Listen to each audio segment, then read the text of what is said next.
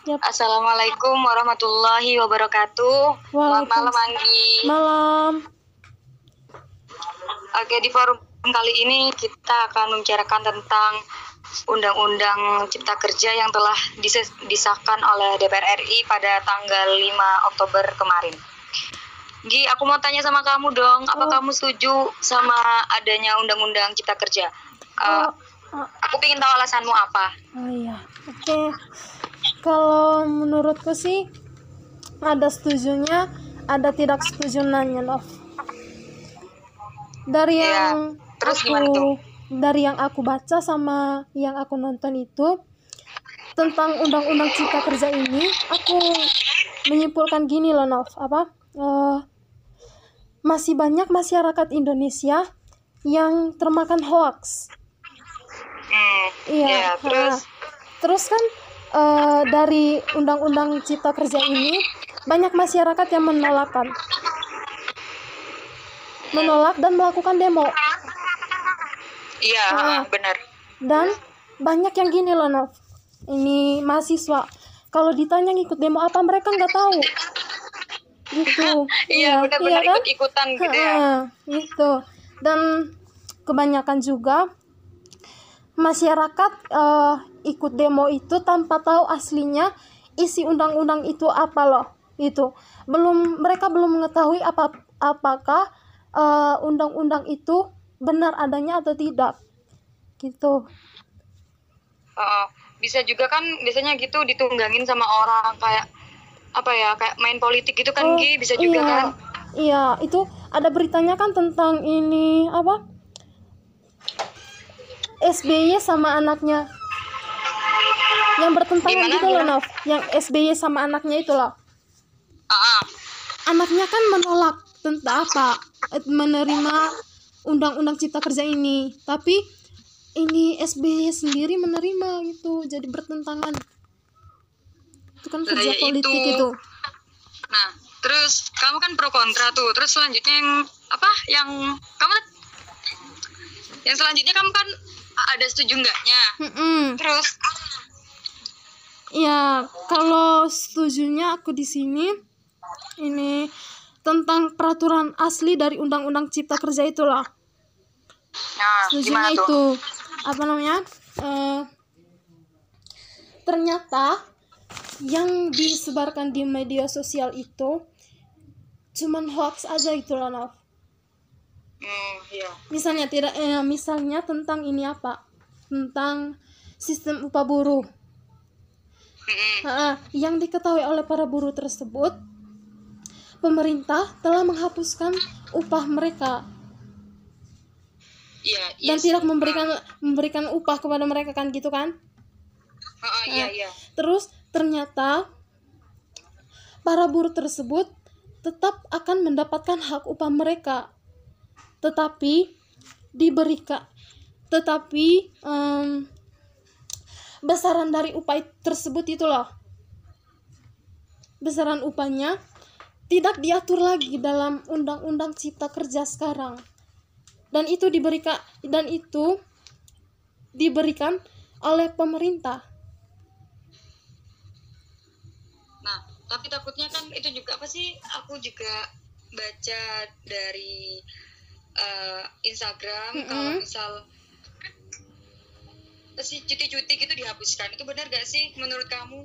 Kalau Dari menurut riset yang kamu baca? kalau menurutku cuti iya sih ada benarnya tapi gak semua benar gitu loh Nov ada penjelasannya dari pemerintah kan eh, masyarakat telah bulat-bulat gitu loh yang apa yang berita-berita di Instagram itu tapi eh, aku baca berita eh bukan baca sih nonton berita di apa di YouTube. Ternyata bukan begitu Nov. Misalnya seperti apa ya? Yang hari kerja berapa berapa jam per hari kerjanya begitu? Oh gitu, berarti aku berarti yang kurang literasi. Terus aku juga ingin berargumen nih tentang Iya. pendapat aku undang-undang cipta kerja ini. iya Nov Tapi aku lebih lebih apa ya kayak lebih ke kontra sih daripada pro karena rancangan undang-undang dari rancangan undang-undang RUU KUHP yang kemarin yang Mm-mm. sempat demo Maret kalau nggak salah ya iya iya itu juga eh, diadakan secara diam-diam dan tergesa-gesa gitu loh Nggi. ini juga undang-undang cipta kerja ini juga dilakukan serah diam-diam dan disahkan secara tergesa-gesa juga iya diam-diam gitu loh Kak. kan negaranya kita kan demokrasi Mm-mm. kan semuanya harus terbuka harusnya kan nggak gitu jadi hal itu malah menyebabkan apa ya timbulnya itu penolakan dari masyarakat sama sama apa yang buru-buru gitu tuh oh iya ini karena pemerintahnya tidak terbuka ya gitu tidak Lah, terbuka itu. kepada masyarakat nah terus Nggi aku Mm-mm. juga mau tanya nih tentang menurut kamu penerapan undang-undang cipta kerja dapat mensejahterakan semua warga negara nggak? Karena kan dilihat dari uh, ideologi kita, eh apa? Ya ideologi kita kan Pancasila tuh Mm-mm. sila kelima kan keadilan bagi seluruh rakyat Indonesia. iya Apakah undang-undang apakah undang-undang ini menurut kamu mensejahterakan semua warga Indonesia? kalau menurut aku sih Nov eh, undang-undang cipta kerja ini pasti akan menyejahterakan masyarakat Indonesia karena itu dilihat dari cara kerja Jokowi eh bapak cara kerja bapak Jokowi yang apa ya yang tidak mungkin tidak mungkin menyulitkan masyarakat itu loh Nov itu Eh, Ah. iya, iya. bapak kalau kalau pen- kalau pendapat aku sih nggak singgi apa u- eh, apa undang-undang cipta kerja ini kayak lebih apa ya lebih berpihak berpihak pada pemegang saham dan pada investor menurut aku. Karena ya mungkin apa ya menurut apa ya setelah aku baca baca baca baca baca tulisan yang ada di media massa itu iya. undang-undang cipta kerja ini kayak apa ya me- apa ya kayak melemahkan melemahkan buruh gitu loh Gi oh gitu Iya, menurut iya, iya. aku sih terus juga nih ya masuk dalam kalau bisa di apa digabung bukan digabung tapi kayak dikaitkan dikaitkan dengan eh, teori Karl Marx itu Mm-mm. pembagian kelas. Nah, pembagian kelas itu Gi, kan Karl Marx ada ada teori pembagian kelas tuh. Heeh. Ada yang berjuis sama proletar. Iya. Nah, dengan adanya undang-undang ini nanti pembagian kelas tersebut akan semakin kuat lagi. Perusahaan akan sewenang-wenang kepada buruhnya gitu-gitu. Karena menganggap masih banyak orang lain yang membutuhkan pekerjaan. Tambah lagi dengan peraturan ditiadakannya pekerjaan kontrak. Kan di apa? Di undang-undang cipta kerja itu kan ya apa? Apa sih namanya?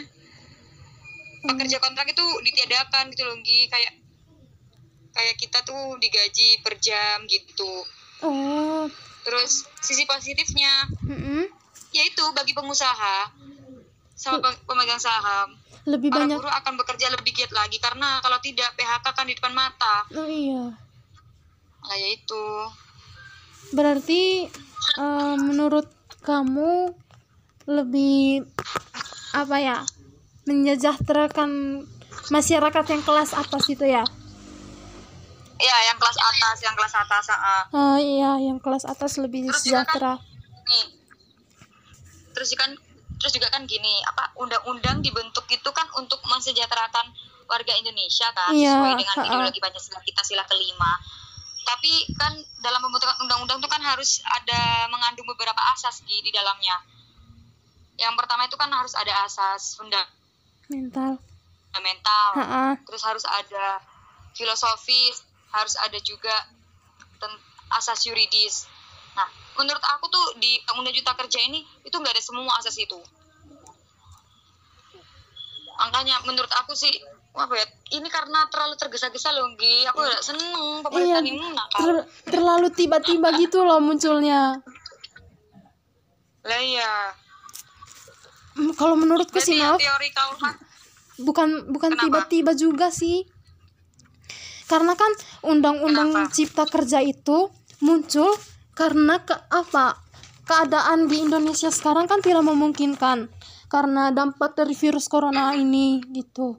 Jadi eh harapan Indonesia terlebih perusahaan-perusahaan itu mereka mengharapkan adanya investasi-investasi dari negara lain untuk membantu uh, perekonomian di Indonesia gitu.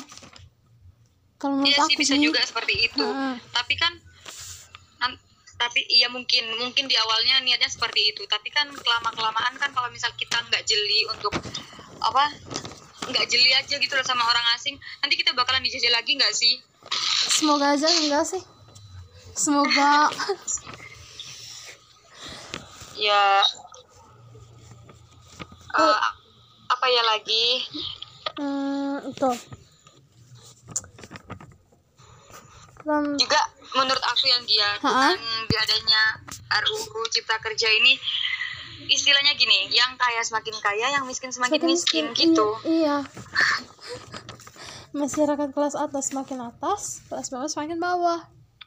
Iya, Iya, betul. kapitalisme. Oh iya, Nov, ya udah menurutmu kesimpulan dari apa menurutmu itu eh cara untuk mengatasi itu gimana? Mengatasi perbedaan kelas gitu loh.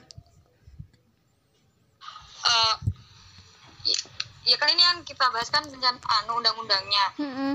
ya itu gitu undang-undangnya di, dirombak lagi menurut aku sih gitu karena kan aku juga gak tahu tuh tentang hukum-hukum Iya. kalau menurut aku yang yang apa masyarakat awam netizen Mm-mm. kalau aku sih maunya di, dirombak lagi dan undang-undang itu dirancang lagi secara terbuka gitu loh secara Iya. umum iya sih kemarin itu apa namanya katanya DPR salah satu anggota DPR kalau undang eh, apa undang-undang ini udah disiarkan di TV TV-nya milik DPR Oh. kan itu nggak lo nggak nggak apa namanya nggak maksudnya nggak menyeluruh gitu Iya. mungkin kita akan Nggak- mengakses itu bagi Heeh. orang yang nggak tahu bagi Gak yang semua orang tahu, bisa. ya kan Iya. Nah, maunya apa usulnya aku menurut aku pribadi yang sebagai orang awam Mm-mm. maunya undang-undang itu dirancang kembali secara terbuka Iya. gitu. Dan cepat diberikan kepada masyarakat. iya Soalnya kan undang-undang yang itu cipta kerja itu kan belum belum bisa diberikan kepada masyarakat. Aku aku udah cari di Google belum ada terus kata mereka belum waktunya belum tepat gitu loh. lah ya itu sebenarnya ya eh, undang-undang cipta undang-undang cipta kerja ini atau omnibus law ini sebenarnya udah diterapkan segi di negara lain tapi negara yang gede-gede gitu kayak Iya.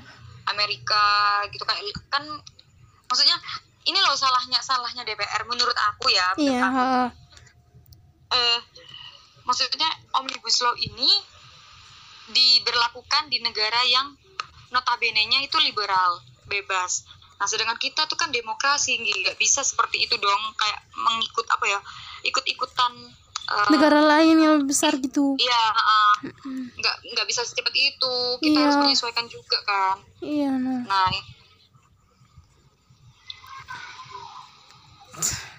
kasihan para buruh. Iya. Pekerja Terus kesimpulan dari pembahasan kita kali ini tuh apa? kalau menurut aku kesimpulannya hmm, apa? eh undang-undang cipta kerja ini harus dirombak lagi oleh pemerintah agar masyarakat bisa menerimanya gitu. Ah, Mm. terbuka. Sup- iya. Seperti itu sih. Mm, Su- karena kembali lagi kan kita negaranya demokrasi. iya. Kalau kayak gitu ya jangan salahkan para aktivis dan para buruh untuk menyuarakan suaranya nanti di, di, di gedung DPR kan? Iya, mahasiswa juga jangan salahkan mahasiswa. Lah ya itu. iya, Ya udah. itu. Ya udah Gi. Udah, itu aja ya. Sepertinya sudah cukup. Oke. Ya udah. Udah ya, aku tutup Oke, ya. Terima siap. kasih Anggi. Sama-sama, no. Assalamualaikum warahmatullahi wabarakatuh. Waalaikumsalam.